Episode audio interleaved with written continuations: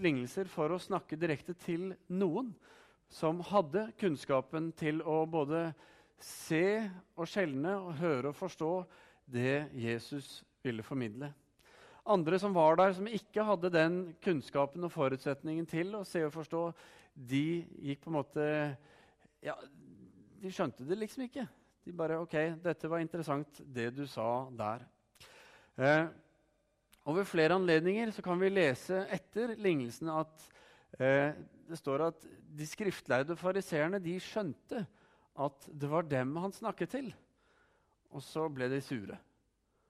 Det var veldig ofte, eller det var det som gjerne skjedde. De ble sure og likte ikke det, fordi han eh, irettesatte dem og korrigerte og eh, talte strengt til dem. Eh, men det vi ser, det er at Gud, når han taler til oss, så eh, taler han til oss på grunnlag av hvilken kunnskap vi har, hva vi ofte sitter inne med, både av livserfaring og eh, generell kjennskap, kunnskap om ting i livet. Så det gjør at eh, av og til så taler, opplever vi at Gud taler ganske direkte til oss. Mens andre ganger så tenker vi ja, det var interessant og bra. Og I verste fall så håper jeg det i formiddag blir interessant og bra. Og i beste fall så kanskje Gud taler direkte til deg. Vi får se. Men ting treffer oss i livet, ofte også basert på hvilke perspektiver som vi selv har i livet. Er det sånn at uh, vi uh, ønsker å følge Gud, ønsker å uh, tro på Han og gjøre det som Han kaller oss til, så er det et perspektiv som vi har i livet, som er med på å forme oss og er med på å måtte, hjelpe oss når vi tar avgjørelser osv. Og eh, har vi måtte, våre egne ønsker og perspektiver som vi tar med oss, så er det det som er med og former oss. Og dette ser vi også av lignelsen eh, som vi skal se på nå i formiddag, som er lignelsen om brudepikene. Disse ti brudepikene som eh, eh vi skal lese om snart. Eh, men det er en lignelse som handler om når Jesus kommer tilbake. Eh, og skal på en måte, ta med seg alle de som vil være med på festen, som på en måte, tror på han og følger han, inn til festen. Og det handler om å være forberedt eh, på når han kommer. Våken, sånn å forstå. Og hvis tanken på at Jesus en dag skal komme igjen, ikke er noe som preger livene våre, eller i liten grad preger livene våre, så eh, vil vi også eh, i liten grad blir formet av det at en dag så kommer han tilbake. Er vi derimot opptatt av dette og ser fram mot dette, som vi kan se f.eks. Paulus, som liksom 'Å, jeg gleder meg til den dagen', snakker han om. Ja, så vil det også prege og forme livene våre, handlingene våre og hvordan vi lever. Jeg husker eh, som tenåring så sitter jeg i bilen sammen med min far. Eh, den gangen var det han som kjørte, en annen gang var det jeg. og Det gikk ikke så bra, men det er en annen historie. Men eh, jeg satt på med min far. Vi skulle ned til byen, tror jeg. Og så begynte han å fortelle meg om noe som han opplevde tidligere den samme dagen, da han satt i bilen alene. Så forteller han om at han er ute og kjører, og, så, og beskriver hvor han kjører. Og så sier han det er som om plutselig så stanset hele verden. Alt bare frøys rundt han. I et sånt lite øyeblikk, i et nu, så bare opplevde han dette. Og så fikk han en sånn veldig dyp og klar fornemmelse om at Jesus kommer snart. Og dette fortalte han unge Frode, tenåring, som satt der i bilen. Og jeg må innrømme at det var litt rart å høre på. Jeg prøvde liksom å se for meg alt stopp. ok, Jesus kommer. Åssen ser det ut når Jesus kommer? ikke sant? Så begynte tankene å gå. Så det var en litt sånn rar opplevelse. Og det forteller litt om at eh, han og jeg hadde forskjellige perspektiver på dette. Det var ikke det at jeg ikke trodde at Jesus ikke skulle komme igjen en dag. Men det var bare at jeg var ikke veldig opptatt av at det skulle skje. Sånn at når han begynte å fortelle om den opplevelsen, så var det litt rart å tenke på at det ja, ja, jo, det skal jo skje en dag, for så vidt. Skal vi lese lignelsen sammen, som vi finner i Matteusevangelium, kapittel 25, fra vers 1 til og med vers 13. Dere kan følge med på veggen her. Da leser vi Da kan himmelriket sammenlignes med ti brudepiker som tok oljelampene sine og gikk ut for å møte brudgommen. Fem av dem var uforstandige, og fem var kloke. De uforstandige tok med seg lampene sine, men ikke olje. Men de kloke tok med seg kanner med olje sammen med lampene. Da det trakk ut før brudgommen kom, ble de alle trette og sovnet. Men ved midnatt så lød det et rop. Brudgommen kommer, gå og møt han. Da våknet alle brudepikene og gjorde lampene i stand. Men de uforstandige sa til de kloke, gi oss litt av oljen deres, for lampene våre slukner. Nei, svarte de kloke, det blir ikke nok til både oss og dere. Gå heller til kjøpmannen og kjøp selv. Mens de var borte for å kjøpe, kom brudgommen, og de som var forberedt, gikk sammen med han inn til bryllupet, og døren ble stengt. Senere kom også de andre brudepikene og sa, 'Herre, Herre, lukk opp for oss.' Men han svarte, 'Sannelig, jeg sier dere, jeg kjenner dere ikke.' Så våg da, for dere kjenner ikke dagen eller timen. Skal vi be. Himmelske Far, jeg ber at du skal eh, åpenbare ditt ord for oss i formiddag. At du skal tale til oss. At du skal eh, plante noe nytt inn i oss, Herre, som eh, er med på å forandre hvordan vi ser, Herre, ditt ord, hvordan vi ser ditt liv, og hvordan vi ser hvordan du lever i oss, Herre, og hvordan vi kan få lov til å være en del av det du gjør midt iblant oss. Herre, tal til oss, rør ved oss, fyll oss med din ånd, Herre. Vi ber i Jesu navn. Nå var det sånn På Jesu tid at bryllup det var en svær greie. Og Det er det for så vidt i vår tid òg, men det var mye mer altomfattende. Fordi hele landsbyen tok del i feiringen den gangen. Hele landsbyen de eh, var klar og gratulerte og var med og jublet og heiet på og var til stede. Og det var gjerne sånn at når brudgommen kom, så gikk han og bruden en lang runde rundt i landsbyen for å motta hyllest og gratulasjoner og alt sånn. Og de som skulle følge med, de fulgte med, og så gikk de inn da til eh, selskapet. Og eh, det ble sagt den gangen at alle fra 6 år til 60 var på en måte med i dette følget og skulle være med inn på dette. Og det var til og med lov for en mann å forlate studiet av loven for å være med på bryllup. Og da var ikke sånn at Bryllupet varte en kveld, men det varte en uke. Derfor var det litt sånn ekstra. Men det sier både om, litt om bryllupet og så sier det også litt om hvor viktig det å studere loven var. Eh, men det vi ser, er at eh, denne lignelsen henter sin måte, historie ut fra det som var en vanlig jødisk skikk eh, den gangen, og som egentlig er litt fjern fra hvordan vi feirer bryllup. For når et paret giftet seg, så reiste de ikke bort på bryllupsreise. Ikke sant? Sånn som veldig mange gjør nå. De har en fest, og så forsvinner de. Men nei, de hadde en uke sammen hvor de feiret. Og denne uken var en ganske flott uke for dem. Eh, for de ble behandlet som fyrster, og ikke bare behandlet som, men brudgommen ble tiltalt med, som fyrste og eh, bruden som fyrstinne. Altså, det var veldig sånn derre Dere er det viktigste denne uken. Så den bryllupstiden, det var noe som eh, eh, kanskje var den beste uken i et ektepars liv, forteller historiebøkene. Eh, så selskapet de fikk være med på festlighetene denne uken. Og det var ikke bare vielsesseremonien som disse uforberedte brudepikene gikk glipp av, men det var hele denne svære, lange festen som de gikk glipp av. Og Det som gjør lignelsen ekstra interessant, det er at eh, det som skjer her, det er noe som, er, eh, som skjer den dag i dag. Altså, det er sånn man feirer bryllup mange steder i Palestina i dag. Og en som heter eh, Alexander Finley, han forteller om en opplevelse han hadde. Jeg skal gjengi den for dere. Det skjedde nå i det 20. århundret. Da sier han da vi nærmet oss porten til en galileisk by, fikk jeg se ti unge piker som var muntert kledd, og som spilte på noen slags musikkinstrumenter mens de danset bortover veien foran bilen vår. Da spurte jeg sjåføren hva, de, hva er det disse holder på med. Og Da sa han at eh, vel, de skulle eh, holde bruden med selskap til brudgommen kom.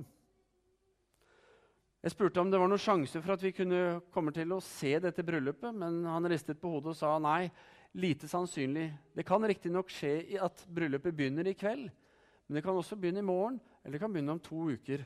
Det er det ingen som vet sikkert. Så fortsatte da han å forklare eh, noe av det som man opplevde som liksom tradisjonen var det kuleste man kunne gjøre da, i et sånt bryllup. Det var jo å ta bryllupsfølget på senga. Altså Gjøre det travelt og hastig for dem. Det var litt sånn stas. Det var litt i kulturen der, da. Men eh, brudgommen skulle komme uventet, og han kunne komme midt på natta. Men det eneste måte, kravet som var der, det var at han sendte noen i forveien som gikk og ropte 'Se, brudgommen kommer'. Men dette kan også skje når som helst, så bryllup, bryllupsfølget måtte være klare til å rykke ut på kort varsel ut for å møte han og gå sammen med han i gaten og inn på festen der den skulle være. Og eh, Det betyr at eh, hvis du skulle være med i bryllupet der, så var det ikke sånn at ok, nå kommer han, la meg gå og se hvilken kjole jeg skal ha. For de fleste damer vet at det tar, kan ta litt for lang tid. ikke sant? Eh, alt må være klart. Du må ha funnet fram hvilke klær, hvilke sko, hvilken veske, hvilket slips osv. som skal være til denne festen. Sånn at man var klar. Andre viktige punkter i denne tradisjonen forteller han er at ingen får lov til å gå ut på gatene etter at det var blitt mørkt, hvis ikke de hadde med seg en lampe. Det vil si at du eh, måtte ha ditt lys klart når du gikk ut i mørket. Du måtte være klar også med den. Og da var det viktig at den brant hele tiden. ikke sant? Og fordi hvis du ikke rakk det, og brudgommen kom, ikke sant, så var det også tradisjon da ennå at når brudgommen kom inn, så var han liksom sistemann, og døgnet lukket etterpå. Og rakk du ikke det, ja, så fikk du ikke være med på den festen. Så det vi ser, er at eh, det er jo en interessant link da, også inn altså den tradisjonen som er båret videre. Eh, og da er det også sånn at brudgommen eh, I all den tiden som måte, man gikk og ventet på at han skulle komme, så handlet det om at brudgommen han gjorde i stand stedet hvor han og bruden hans skulle bo. Og det var gjerne da et tilbygg på farens hus. Og den som avgjorde at alt var klart til nå kan vi ha bryllup og feire, jo, det var faren. Så når faren sa ok, nå har du gjort jobben din godt, nå er ting klart, nå kan du gå og finne bruden din, så kan festen begynne. Og bruden hun måtte bare vente. Det var måtte, hennes jobb. Men så eh, sies det at vel, hun hadde jo da sine måtte, spioner der ute som fulgte litt med på hvordan det gikk med brudgommen og det han gjorde. Det kunne være i nabolandsbyen ikke sant? og så. Sånn at uh, hun var klar da, vet du, når hun kunne rekke litt mer. Men det kunne også gå uker, det kunne gå til og med et år fra man på en måte forlovet seg og bestemte seg for at ok, vi skal feire, til selve da eh, vielsen fant sted. Men når da alt var klart, så møttes de og gikk sammen. Og alle som var beredt, dvs. Si alle som hadde denne bryllupsfesten i sitt perspektiv, de var klare og fikk være med. Eh, nå er det vanlig med denne lignelsen det er sikkert mange som har hørt eh, forkynnelse på denne lignelsen før. Det er vanlig at den ofte da eh, har en advarsel ved seg. Altså, man bruker den som en advarsel til oss kristne om at nå må vi liksom skjerpe oss. Alt må være på G. Du må eh, liksom ikke ha noe eh, tull eh, i, i, livet ditt. Men og Da tenker vi gjerne at uh, livet ditt skal ha en viss åndelig standard. Du skal ikke ha noe uoppgjort synd, verken i forhold til Gud eller din neste. Du bør helst lese så og så mye i Bibelen og be så og så mye. og så hvert, ikke sant? Sånn at vi føler at det er en viss standard vi må leve opp til. i forhold til dette. Og Jo mer man fokuserer på denne lignelsen, jo mer kjenner vi oh, dette blir vanskelig. For jeg klarer ikke helt å leve opp til den standarden. Eh, og alle disse tingene med å både lese Bibelen og på en måte måtte eh, bekjenne sin synd og be og alt dette. Dette er veldig bra. Men hvis livet vårt handler om å gjøre dette fordi det er det rette, så blir det et gjerningens eh, språk og liv som preger oss. Fordi Bibelen snakker om at det er ved tro at vi blir frelst, ikke ved gjerningene våre. Sånn at det er troen vår som eh, avgjør om vi er frelst, ikke hvor flinke vi er til å gjøre dette. Så det er liksom ikke enten-eller. De hører sammen, men det er ikke hvor flink du er, som er avgjørende der og da. Men det er troen din og hvordan troen får lov til å leve i deg. En som heter John Cor Corson, han er en uh, dyktig bibelforkynner. Og Asbjørn Johansen tipset meg om han for noen år tilbake. Han sa der har du mye bra materiale. sa han. En som Asbjørn hørte mye på. Og han uh, har jeg hørt på nå i forbindelse med forberedelsen til denne. Og han uh, sier at hovedhensikten med denne lignelsen er ikke advarselen til oss om at nå må du se og få skikk på livet ditt, og nå må du bli flink nok, og nå må du gjøre ting riktig sånn og sånn. Men han sier at eh, vi er jo bruden, sier han. Vi er ikke brudepikene. Og Så trekker han linjer inn til jødene, fordi jødene var jo Guds utvalgte folk. De som skulle være et lys for eh, omverdenen, for hedningene, som det het. Og som eh, hadde fått løftene. ikke sant? De visste at Messias skulle komme, og de gikk og ventet på han. Men fordi de visste så godt, hadde så klar, klart perspektiv og forståelse av hvordan Messias var og skulle være, så kjente de han ikke igjen når han kom. Det vil si, Jesus kom og levde midt iblant dem. Gud var legemlig til stede midt iblant dem, men de kjente han ikke igjen. Og selv om de hadde et aldri så eh, måtte, stor forventning til det. Altså, de var klare. Ikke sant? Så gikk de da altså, glipp av dette. Og han eh, sier mye interessant om det, men vi skal ikke gå inn på det. Men det er noe med det at det går an å vente på noe og allikevel ikke være klar. Så antagelig så er jo denne lignelsen noe som Jesus bruker ved å si direkte til da fariseerne og de skriftleide, de andre troende jødene den gangen. Og Derfor har den kanskje ikke en direkte teologisk link til deg og meg, men den har en klar praktisk anvendelse og kanskje en enda større utfordring hvis vi går litt eh, inn bak den. Fordi dersom vi er bruden, og Jesus er brudgommen, så er spørsmålet ja, hvilken stand skal bruden være i da, til bryllupet sitt. Eh, og det kan jo være vel så utfordrende. Nå tror ikke jeg at bruden ikke får lov til å være med i bryllupet. At det kommer til det. Men jeg tror at enhver brud vil gjøre sitt ytterste for å være så klar som mulig til sitt bryllup. Og det er jo en, et interessant spørsmål. For sånn er det jo med kvinner i dag. Jeg hender at jeg vier, hadde en vielse her for bare en uke siden. Og det er alltid sånn, jeg vil si det er aldri sånn at bruden kommer opp og liksom, ja, litt tilfeldig hva hun hadde på seg i dag. Nei, det er en dag som er planlagt nøye og over lang tid. Alt avhengig av hvilke ting som er viktige. ikke sant? Noen begynner å spare langt hår. De tenker, å, Skal jeg være brud, så skal jeg ha langt hår. Og så må de spare i hvert fall et år ikke sant, for å få langt nok.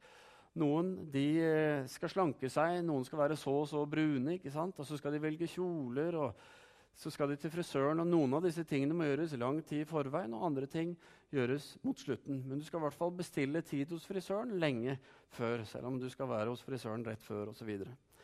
så eh, det ligger mye i forberedelsen og spørsmålet hvordan lever vi som menighet i vår forberedelse til det at vi skal stå brud når brudgommen kommer? Og det er kanskje enda viktigere spørsmål. Det, eh, men det handler som sagt ikke om gjerninger, som vi var inne på i stad. Nåden den gis ved troen vår. Allikevel så leser vi i Johannes' åpenbaring 19 at eh, brudens drakt, som eh, for så vidt er skinnende hvit lin, et skinnende hvitt linstoff, den drakten eh, er de helliges rettferdige gjerninger. Så det vi ser, er at eh, det vi gjør som menighet, det vi gjør som troende, det gir gjenklang i evigheten på flere områder, også på den måten.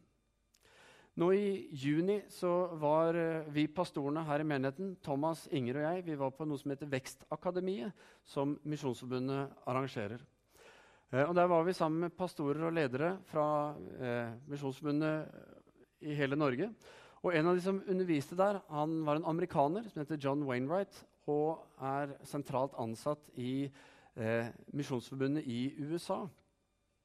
Og Han fortalte om en prosess og en utvikling som de hadde jobbet med i Misjonsforbundet der borte, som de kalte 'congregational vitality', eller menighetsvitalisering.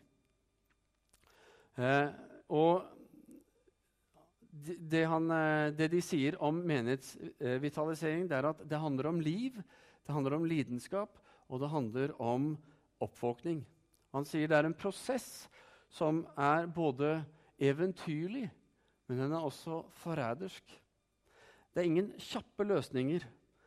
Han sier vi havner ikke bare plutselig inn i en menighetsvitalisering. Det skjer ikke av seg selv. Men det kommer en tid hvor menigheten selv tar en avgjørelse, en åndsfylt avgjørelse, som han sier, om å bevege seg framover til å bli en sunn og misjonal menighet. Og med sunn, sier han, da mener vi å være lik Jesus. Og med misjonal så sier han det er å gjøre slik Jesus gjorde. Altså leve ut det som var Kristi hensikt her på jorden. Eller gjøre de prioriteringene han gjorde. Og det er da som sagt ikke noe som skjer av seg selv. Derfor er jeg veldig glad for at vi er en del av Misjonsforbundet i Norge. Eh, og at vi, eller at Misjonsforbundet i Norge jobber for å tilrettelegge for både menighetsvitalisering og menighetsvekst gjennom det de har kalt Vekst 2020. Og ikke bare har Misjonsforbundet gjort det, men vi som menighet, som for så vidt utgjør Misjonsforbundet, vi har sagt at dette vil vi være en del av. Og så får vi jobbe lokalt her med det vi kaller Stavanger 2020. Hvordan kan vi jobber for å vitalisere menigheten vår? Hvordan kan vi tilrettelegge bedre for, at, for vekst, at nye mennesker skal komme til, og at Guds ord skal være noe også for dem?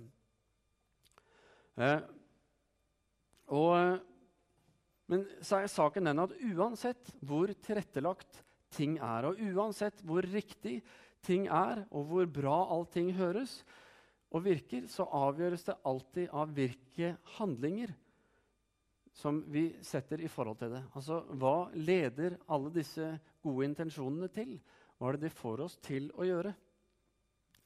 Vel, For de ti brudepikene så var det ingen forskjell i de ytre rammene for dem. Eh, de visste om bryllupsfesten, de visste hvor den skulle være. De eh, kjente tradisjonene, de hadde lampene. ikke sant? De visste om alt dette. Men allikevel var det bare fem av de som ble med på feiringen. Bare fem fordi de andre fem hadde ikke så tydelig perspektiv på dette, eller var så klar for dette at de var forberedt nok til at de hadde olje nok til lampene. Derfor er det heller ingen automatikk i at om man bare er menighet, så vil menighet vokse, så vil menighet eh, ha vekst og fungere og være sunn og bra og alt det der. Eh, og bare fordi vi er brud, så skal liksom alt være ok. Det kan til og med kanskje tenkes at en og annen menighet ikke vil kjenne igjen brudgommen når han kommer. Men det har jo skjedd før som vi så.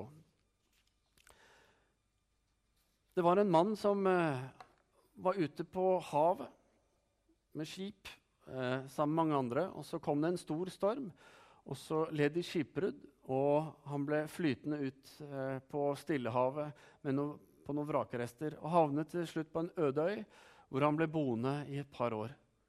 Helt alene og håpet at han skulle komme i kontakt med andre folk. Og etablerte seg osv. Dere har sikkert eh, sett en film eller hørt en historie som minner litt om det. Men da, etter et par år så blir han oppdaget. Han klarer å få kontakt med et forbigående skip.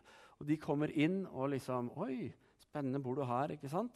Så kapteinen og en håndfull av mannskapet de går om bord for å se hvordan var det med, Åssen har han klart seg. Hvordan har det vært å leve liksom, to år på denne øde øyen. Så han forteller det at vel, han har bodd her, og i løpet av den tiden han har vært der, så har han bygd tre hus. Så tar han dem på en liten sånn omvisning da, for å vise de øya og hvordan ting var. Så først så tar han dem til huset hvor han bodde, hvor han sov og hvor han hadde tingene sine. ikke sant? Og etter det så tok han dem til kirken som han hadde bygd. Eh, hvor han gikk for å be, og hvor han måte, hadde sin tid med Gud osv. Eh, etter de hadde sett på den, så oppførte han seg som om han var ferdig med å vise de øya. For da hadde de jo sett det viktigste men kapteinen tenkte, sa han ikke at han hadde bygd tre hus? da? Så han ble nysgjerrig. Men hva med det tredje huset, da? Å ja, nei, det, ja, nei, det er den forrige kirka jeg gikk i, sa han. Og sånn kan det være. Altså, vi lever i en tid hvor det er mange kirker. Det går fort an å, å, velge seg en annen kirke. Og det kan man gjøre fordi man ikke liker hvordan ting er i den ene kirken. Eller kanskje fordi man ikke selv ønsker å engasjere seg så mye. og Det er mye lettere å bare være til stede i den andre kirken. Det er mange grunner og mange ting. ikke sant? Men vi vet at menighet det er noe som er litt forskjellig. Og vi forholder oss forskjellig til det og har forskjellige perspektiver på det. Men i sitt eh, arbeid med menighetsvitalisering borte i USA så har de da utarbeidet det de kaller for ti sunnhetstegn, eh, som de har identifisert for å se ok, er, hvordan er tilstanden på en menighet. Og Vi skal bare fort nå se de ti tingene, eh, de punktene. og det er hvor de sier at ok, et av disse tegnene er Guds ord i sentrum. Livsforvandlende etterfølgelse av Kristus. Bevisst evangelisering.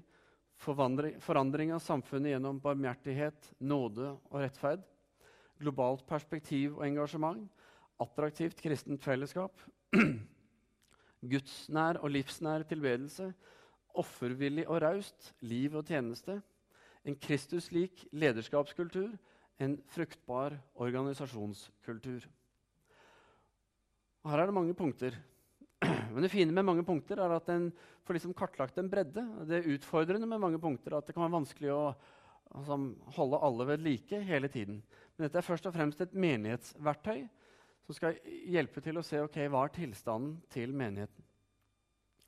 Og eh, alt avhengig av i hvor stor grad disse ti tegnene oppleves i menighetene, så, man, så gjør de da en vurdering av i hvilken tilstand menigheten har. Og da har de fire kategorier som de da har synliggjør på denne måten. De snakker om sunn og misjonal menighet. De snakker om stabil menighet. De snakker om stagnerende menighet og døende menighet. Eh, og litt avhengig av hvor man da befinner seg, som dere da ser med disse prosentene, så blir man da plassert. Altså det vil si at Hvis disse ti sunnhetstegnene i stor grad, altså 80-100 oppleves eh, og erfares i menigheten. Folk sier ja, sånn er det hos oss. Ja, da er det en sunn og misjonal menighet. Og så videre og så videre nedover til 1 til 14. De bruker 0 til 14, men jeg tenkte er det 0, så er det jo dødt. på en måte. Er det 1, så er det ikke helt. Så der har jeg tillatt meg en liten endring. Nok om det. Men spørsmålet er da hvor er vi?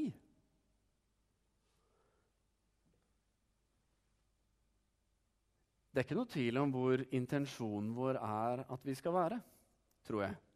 Men hvilke handlinger er det, hvilket liv er det? Altså, hvordan, Hvilke sunnhetstegn er det hos oss som plasserer oss, og i hvor stor grad er de til stede?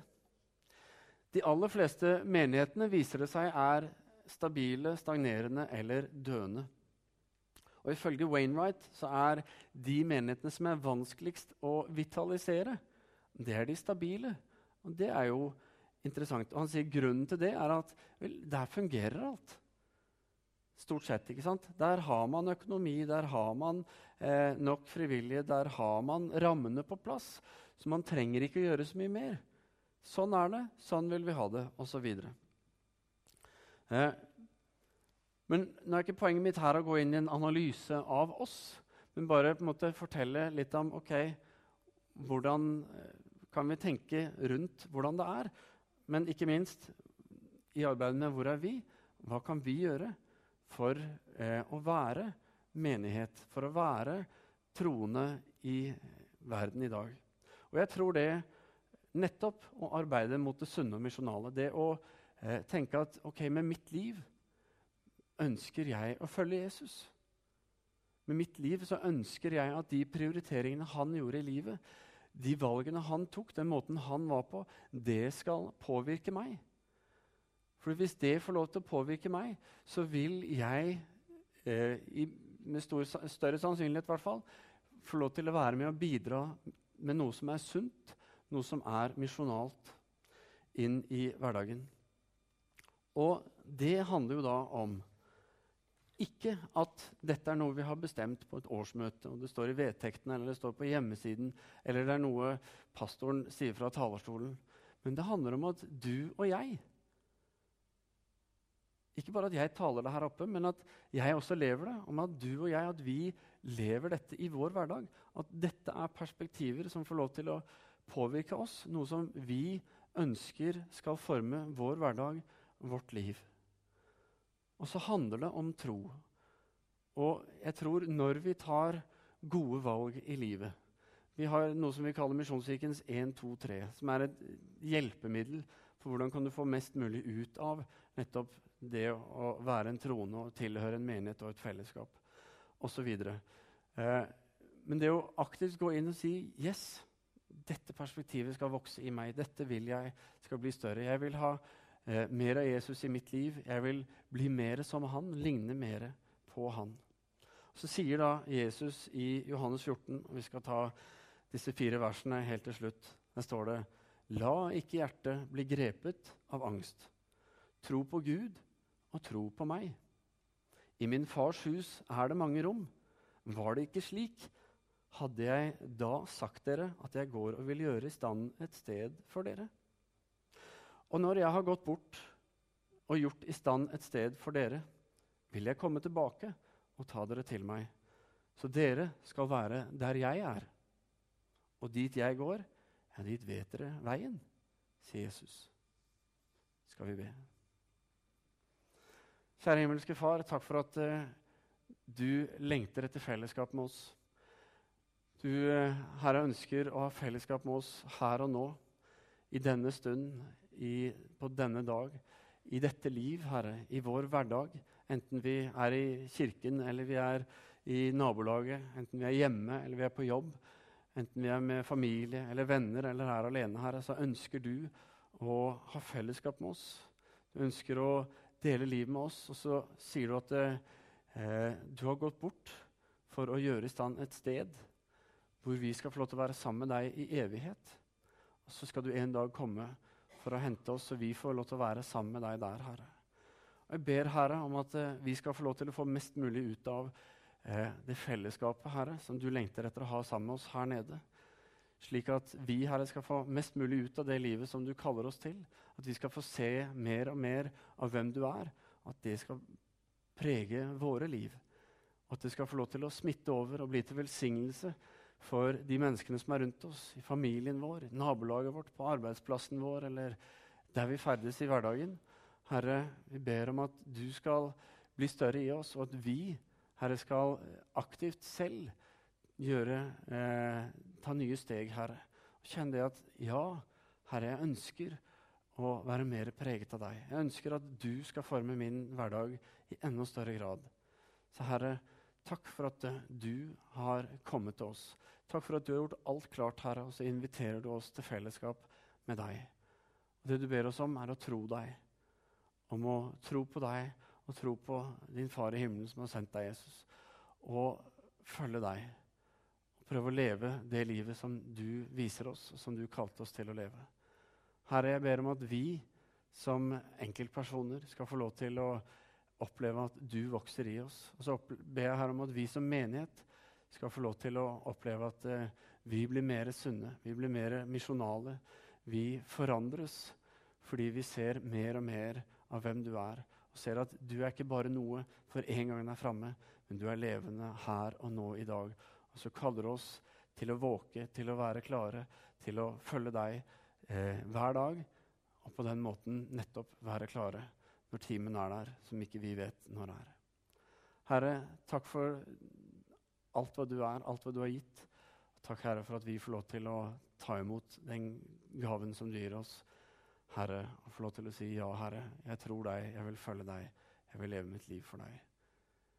Vi priser deg, Herre, i Jesu navn. Amen.